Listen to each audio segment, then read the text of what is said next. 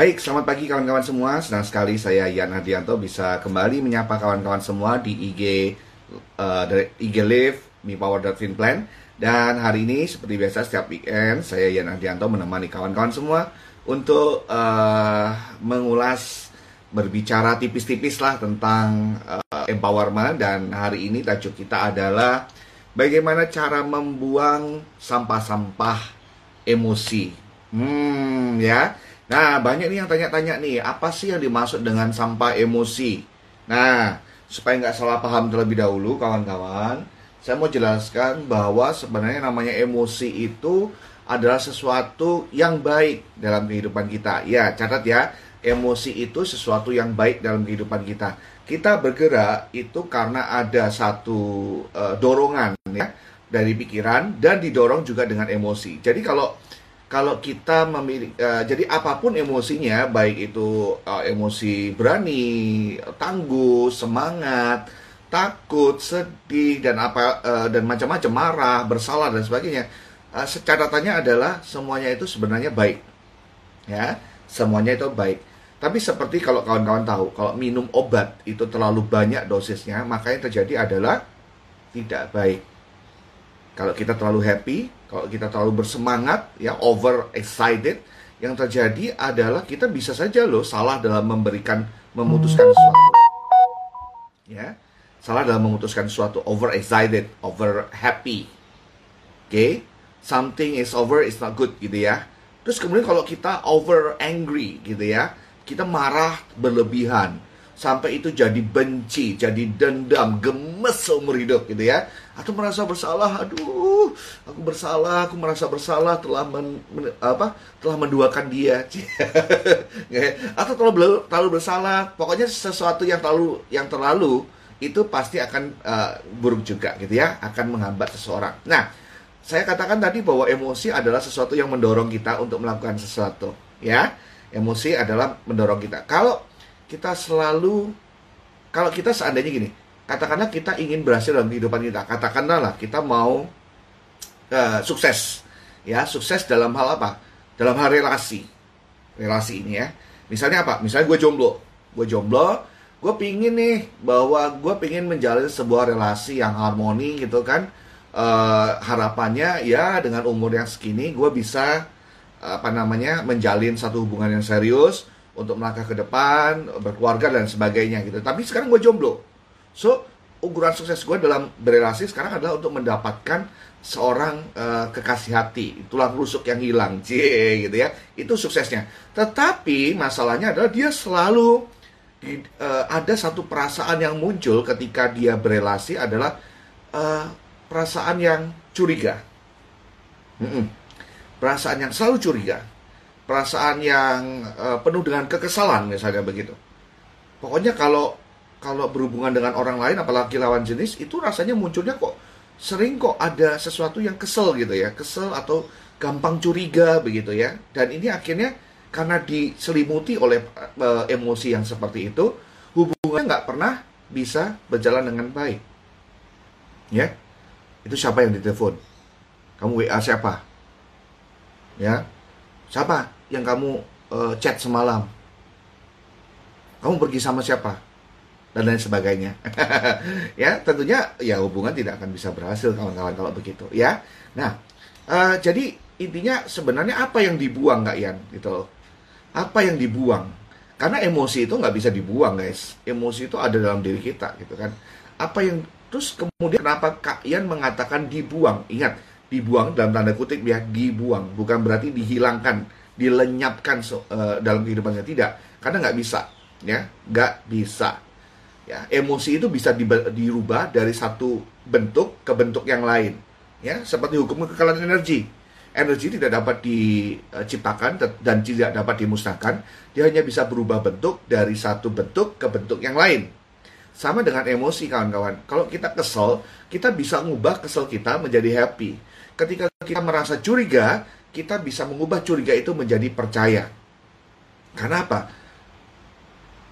Kalau dihilangkan uh, satu emosi itu dihilangkan, katakanlah bayang ini, Anda nggak bisa marah dalam kehidupan Anda, ya, nggak bisa marah, maka yang terjadi adalah Anda akan diperlakukan dengan tidak adil terus-menerus. Dan Anda datar aja. Datar aja. Contohnya, ada orang yang menyakiti Anda, katakanlah gitu, menuduh Anda. Ya. Dan Anda tidak punya rasa marah, maka yang terjadi adalah padahal Anda nggak melakukannya gitu. Anda nggak punya rasa marah, akibatnya apa? Ya flat aja. Ya, orang menuduh Anda, Anda tidak punya self uh, uh, tidak punya self defense mechanism melalui emosi Anda. Yang terjadi adalah ya Anda bisa dimanfaatkan orang lain dan Anda nggak akan survive gitu loh. Jadi pada konsepnya sebenarnya adanya emosi uh, baik itu buruk maupun uh, negatif maupun positif itu semuanya adalah uh, berusaha untuk melindungi kita ya. So, sekarang gimana nih uh, caranya kita membuang atau mungkin saya terjemahkan dengan satu bahasa yang lain yaitu menetralkan ya. Khususnya adalah menetralkan perasaan perasaan-perasaan atau emosi-emosi yang menghambat. Ya. Nah, kalau kawan-kawan uh, apa pingin ada ada studi kasus mungkin kalau kawan-kawan sendiri memiliki satu perasaan yang rasanya ini menghambat saya. Boleh dicatatkan uh, dicatat di komen sini ya. Saya akan mencoba menanggapi. Ya, kita ngobrol-ngobrol tipis lah ya. Kita ngobrol-ngobrol santai gitu ya. Nah, seperti itu. Nah, banyak sekali kawan-kawan uh, caranya ya. Sebagai seorang hipnoterapis, saya juga memiliki beberapa metode. Tapi kita lihat dulu ya, seberapa emosi ini mengganggu. Ya, seberapa emosi ini mengganggu. Karena gini, ada sesuatu yang sifatnya traumatis dalam kehidupan seseorang itu yang nggak bisa dinetralkan dengan sangat mudah. Ya, ya, katakanlah uh, sifatnya traumatis di masa kecil misalnya. Dia trauma ketika dia melihat uh, mamanya ditampar sama papanya misalnya begitu. Ya, dia uh, dia seorang gadis kecil usia lima tahun begitu ya, dan dia melihat uh, ma mamanya itu ditampar sama bapaknya. Ya. Dan dia dia merasa marah sama papanya. Kenapa mama saya digitukan? Celakanya adalah orang eh, anak ini itu melihat itu enggak sekali dua kali itu beberapa kali. Yang terjadi adalah dia trauma dalam kehidupannya dia. Dan ketika dia dewasa dan ketika dia mau berelasi dengan dengan seorang pria, yang terjadi adalah dia akan curigaan sama orang itu. Gitu ya. Kenapa di bawah sadarnya itu ada satu emosi yang masih belum terlepaskan gitu. Ada satu trauma trauma yang belum terlepaskan di masa kecil yaitu cowok itu suka mukul. Cowok akan melukai cewek. Kalau saya pacaran sama cowok itu, dia bisa melukai saya. Dia bisa menyakiti saya dan saya akan defense dulu. Nah, yang terjadi adalah hubungannya nggak akan berlangsung dengan baik. Ya, Nah, itu mungkin butuh penanganan yang serius, guys, gitu ya. Karena ada satu traumatik yang yang terjadi di masa lalu. Gitu. Nah, jadi itu adalah level yang parah ya karena traumatik. Tapi ada yang sifatnya uh, ringan, kawan-kawan ya. Yang sifatnya ringan. Terus kemudian apa namanya? Uh, ini yang mudah di yang kita mudah lepaskan emosinya, gitu ya. Nanti saya akan cerita lebih lanjut uh, seperti apa. Jadi ada yang emosi yang mm, parah gitu ya saya katakan itu ganjelannya parah tapi ada yang ringan gitu ya. Yang saya bisa sharingkan hari ini adalah yang ringan. Nah ada pertanyaan dari ada statement dari kak Jessica. Saya orang yang sangat sensitif tapi saya tidak bisa mengungkapkan sehingga berisiko dimanfaatkan. Nah kak tidak bisa mengungkapkan. Artinya apa? Anda tidak punya orang yang anda percayai ya anda tidak punya seseorang sahabat sama-sama ceweknya ya yang benar-benar Anda bisa percayai untuk bisa menjadi satu pendengar ya. Atau tidak bisa mengungkapkannya itu dengan ada orang sih yang saya bisa percaya Kak Ian. Tetapi untuk mengatakannya itu loh saya susah. Nah uh, saya pernah menulis di salah satu buku uh, bergabung uh, saya menulis bergabung bersama mentor saya Antonius Sarif dalam bukunya uh, Ego State Therapy saya mengungkapkan satu metode terapeutik adalah dengan cara menulis. Ya, dengan cara menulis. Jadi Kak Jessica, saran saran saya yang saya bisa lakukan adalah uh, coba Anda tuliskan, ya. Anda tuliskan seluruh perasaan yang mengganjal tersebut. Anda tuliskan. Ya, kasih nama terlebih dahulu. Hai, saya marah.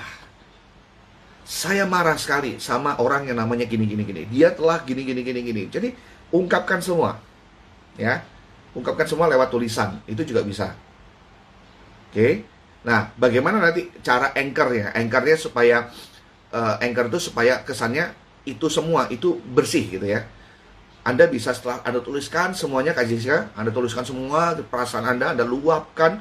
Kalau perlu Anda menuliskannya dengan nangis-nangis juga tidak apa-apa gitu ya, dengan jengkel, gebrak meja, it's okay, nggak apa-apa. I'm serious. Tapi lakukan di, sendiri ya, di dalam kamar ya, jangan di depan umum ya. Tulis semuanya gitu ya. Habis itu lipat. Ya. Cek ke dalam diri. Ketika mengingat peristiwa peristiwa tertentu, masih ada ganjil nggak? Kalau ada masih ganjil, tulis lagi. Misalnya kali ini yang muncul bukan malah, tapi kesel. Kesel, gue kesel sekali sama lu gini gini gini. Tulisin semua. Habis itu udah lipat, ya. Terus apa lagi? Cek ke dalam diri lagi. Apa yang apa yang uh, kerasanya masih ganjil lagi?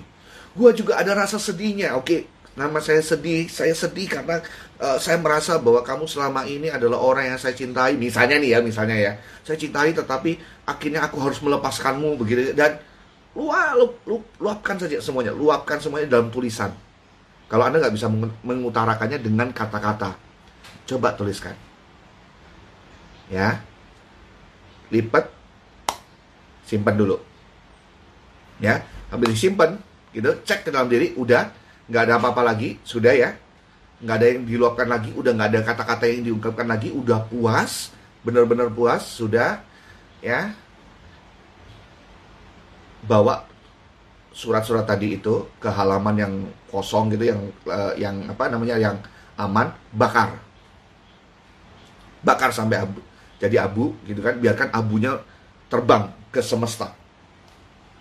Ya dan kemudian kemudian ya kemudian makanya dibakar kak Jessica ya jangan sampai kita ngomong iya makanya di, di, dibakar dibakar karena bakar adalah simbol simbol kita melepaskan sesuatu, menghilangkan sesuatu, memusnahkan sesuatu. Kita berbicara tentang pikiran, simbolik. Uh, kita bakar. Nah, setelah itu jangan lupa, jangan itu. Kalau bayangin ya, ini ada sesuatu yang ganjel nih. Terus kemudian kita sudah keluarkan nih, yang ganjel ini sudah kita keluarkan, ini udah musnah, kosong nggak di dalam? Yes, kosong. Ini yang harus diisi dengan sesuatu yang positif.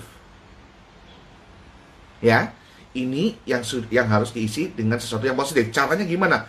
Kalau tadi Kak siapa? Kak Jessica, Pak Jahitan Kak Pak Jahitan Jessica mengatakan saya tidak bisa mengungkapkan. Coba tuliskan lagi.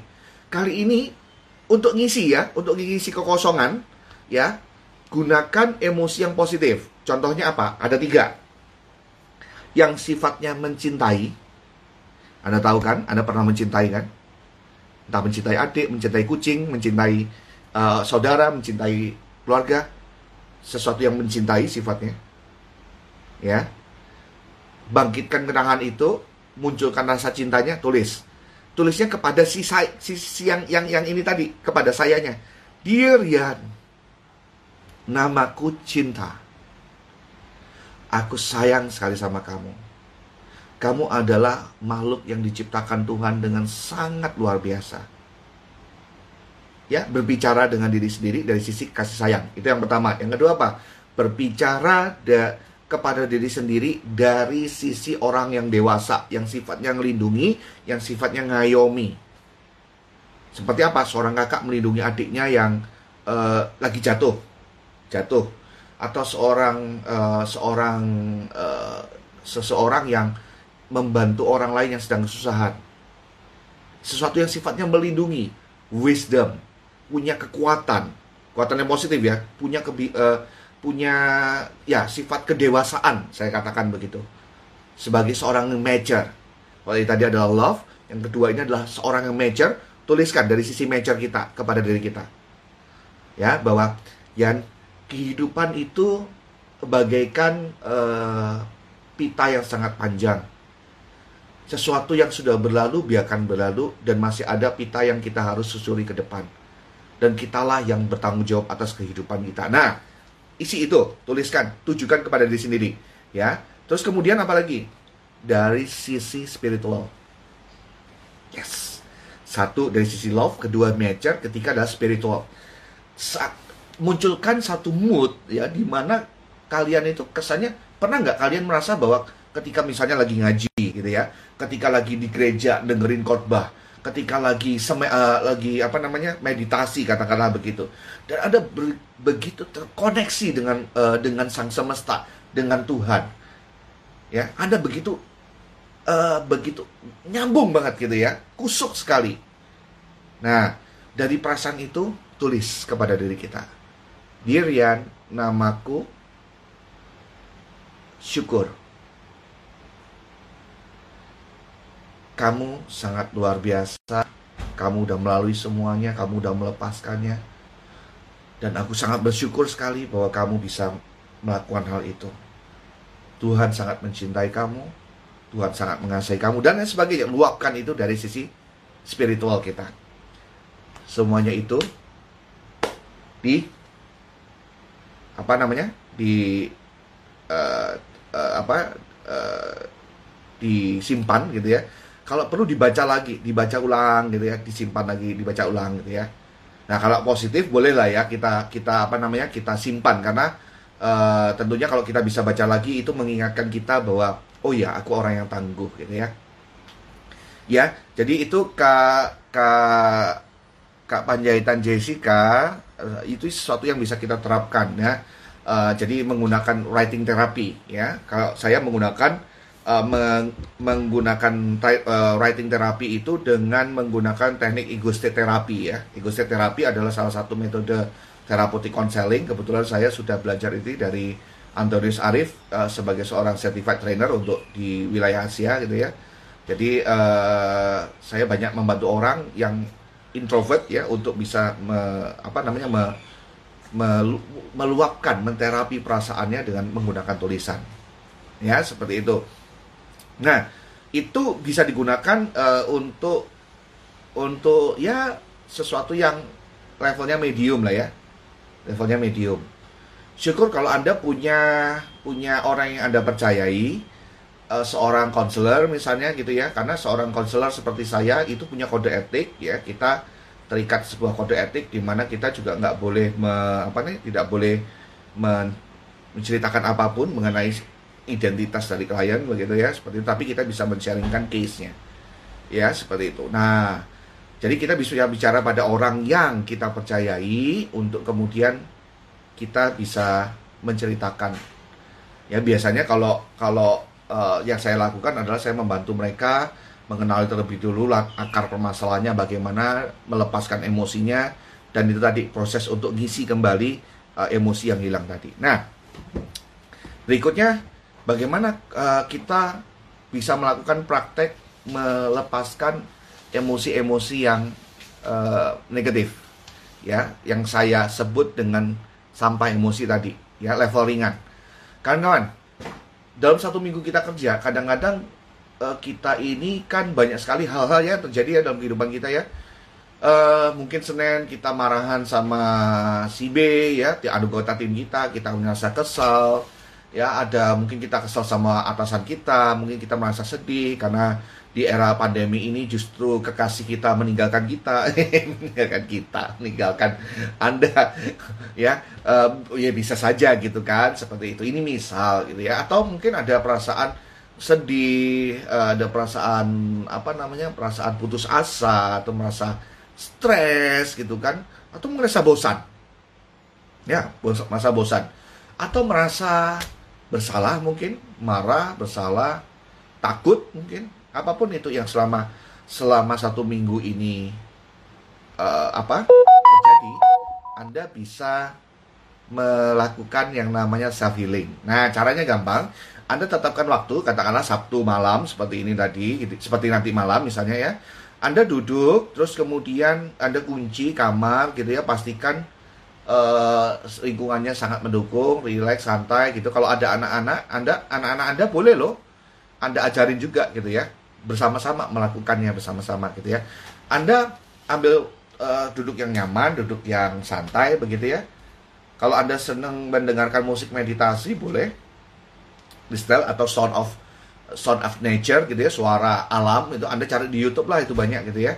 Sound of nature uh, Anda style begitu ya. Terus kemudian Anda tutup mata Anda, rilekskan diri Anda untuk mungkin selama 2-3 menit gitu ya. Uh, perhatikan fokus pada nafas gitu kan seperti itu. Terus coba coba mengingat kembali kira-kira dalam satu minggu ini peristiwa-peristiwa apa saja sih yang yang kesannya uh, negatif ya? Misalnya merasa marah merasa sedih merasa bosan stres dan sebagainya. Coba diingat-ingat dari Senin Selasa dari Minggu Senin Selasa Rabu Kamis gitu ya karena biasanya ketika dalam kondisi yang tenang, rileks, kita tuh bisa memutar ulang uh, apa memori kita ke ke belakang gitu ya, ke masa lalu kita bisa bisa mengingatnya dengan lebih mudah.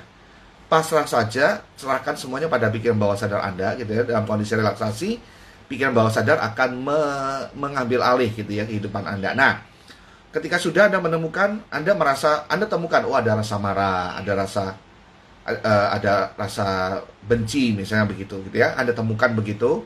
Coba Anda rasakan sensasinya di tubuh Anda di mana. Kita mau rilis satu-satu kan. Misalnya di Senin. Oh Senin saya marahan sama bos saya gitu kan. Oh abis dia meras uh, dia itu nggak tahu bahwa saya itu sudah mengerjakan banyak hal itu masih ditambahin aja. Dan saya dibilang nggak perform misalnya gitu. Dan saya marah sekali. Sadari itu terima terlebih dahulu ya bahwa saya marah dan coba sambil mengingat perasaan, mengingat peristiwa itu, sensasi yang menggelitik atau ada sensasi di mana di tubuh Anda? Apakah di sini, di sini, di, di sini, di, di sini, di sini, di bawah, di kaki atau apa pun, ya. Coba ketika Anda merasakan perasaan yang negatif itu, gitu ya, perasaan yang menghambat itu, Anda rasakan sensasinya di tubuh itu di bagian yang mana? Nah, katakanlah nih, katakanlah Ketika saya mengingat peristiwa ketika saya dimarahin bos saya, oh rasanya nyesek sekali di dada, di sini. Ya. Nah, imajinasikan. Kuncinya adalah imajinasi. Kenapa imajinasi? Karena otak tidak bisa membedakan mana realita, mana kejadian yang sesungguhnya. Semuanya pasti dianggap sama, ya, diproses uh, sama oleh otak kita. Jadi bayangkan bahwa perasaan ini, ya, mungkin uh, Anda rupakan dalam satu bentuk, ya entah itu seperti bola yang ruwet atau uh, apa uh, gumpalan yang hitam atau apa pun lah terserah anda gitu ya. Aduh ini rasanya sesak. Sesak sekali. Seperti seakan-akan ada batu besar dalam diri saya. Ya saya sesak sekali. Kemudian izinkan dengan imajinasi, imajinasi anda anda ambil bantu batu itu kawan-kawan. Ambil. Ya ambil.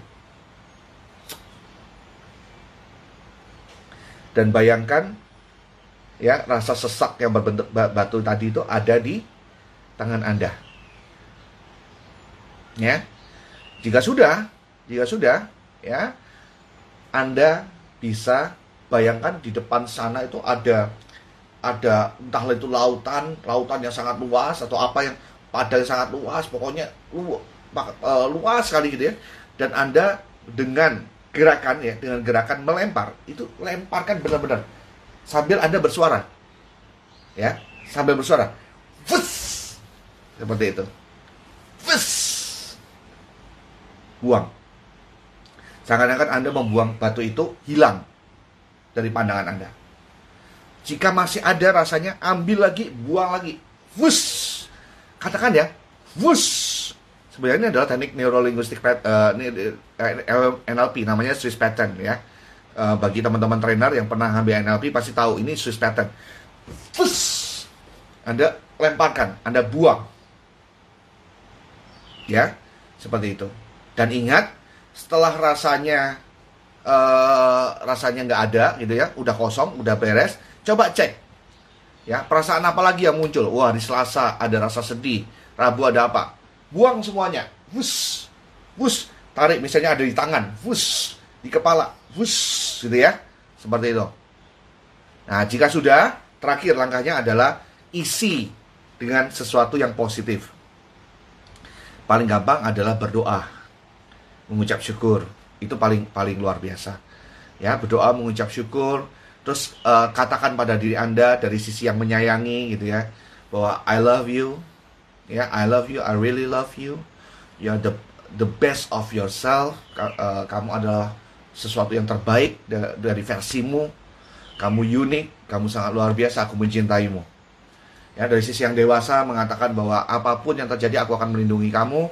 kamu aman bersamaku ya mulai sekarang dan seterusnya kamu aman bersamaku aku akan melindungimu aku adalah bagian dari dirimu dan aku akan mendukung kamu tutup dengan doa ya ucapkan syukur ucapkan ucapkan ya syukur itu nggak ada yang bisa mengalahkan sudah terima kasih Tuhan atas segala penyertaanmu selama minggu ini.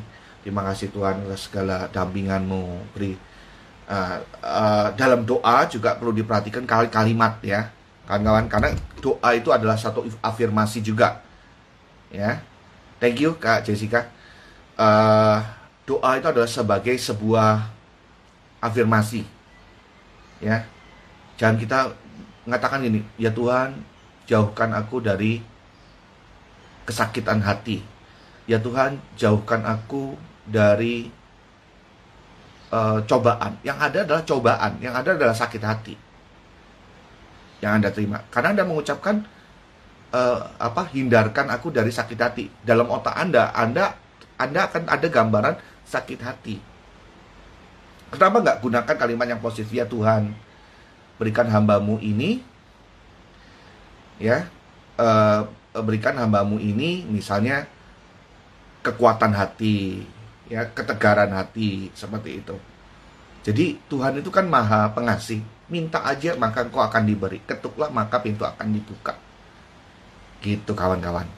Oke, nah itu yang saya bisa sampaikan kepada kawan-kawan semua uh, secara versi versi gampang lah ya gitu seperti itu. Anda bisa menulis gitu ya, terus kemudian Anda bakar, terus kemudian Anda isi dengan tulisan juga untuk surat cinta untuk diri sendiri.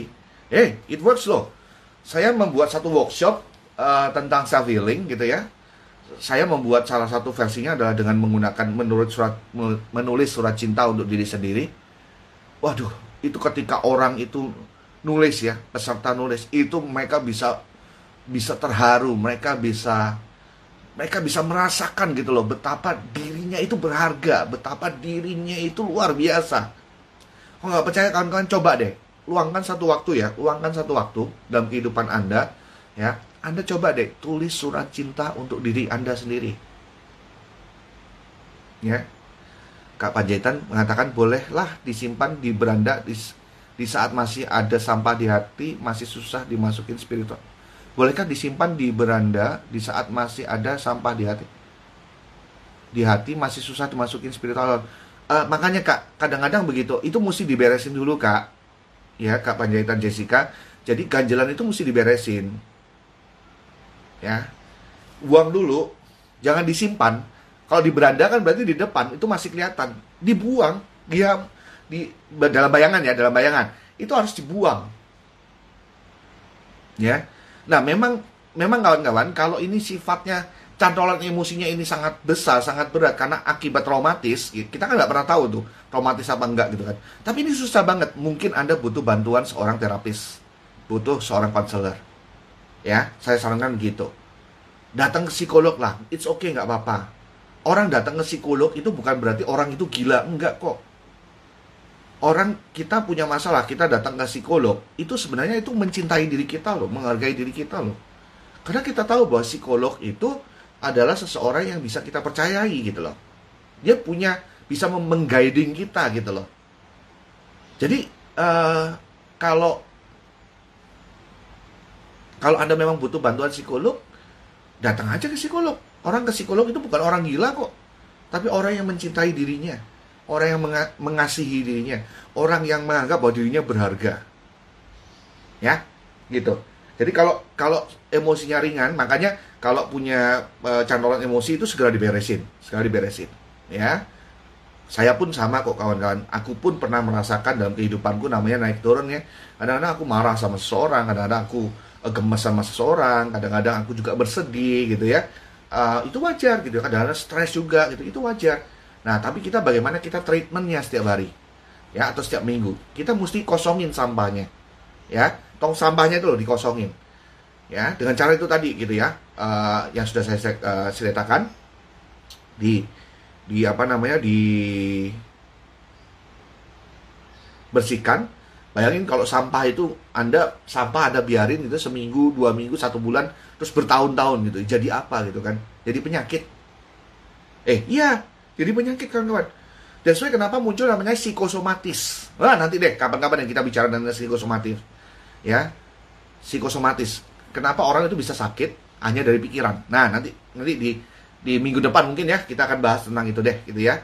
Nah, psikosomatis. Nah, uh, itu kita bisa kita bisa bisa rilis. Nah, makanya kita setiap hari kalau bisa ya kita beresin emosinya kita buang gitu kan kita kosongin tempat sampahnya paling nggak seminggu sekali lah kita lakukan itu gitu. Ya itu akan membuat kehidupan kita jauh berkualitas kawan-kawan.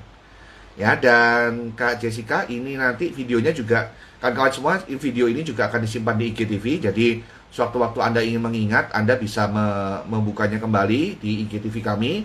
Anda boleh simpan juga boleh begitu ya. Semoga apa yang saya sharingkan pada hari ini bermanfaat buat teman-teman semua. Ya saya tutup dulu perjumpaan kita dan semoga bermanfaat See you. Oke, okay. baik. Kalau kawan-kawan, saya sudah sudahi acara ini gitu ya.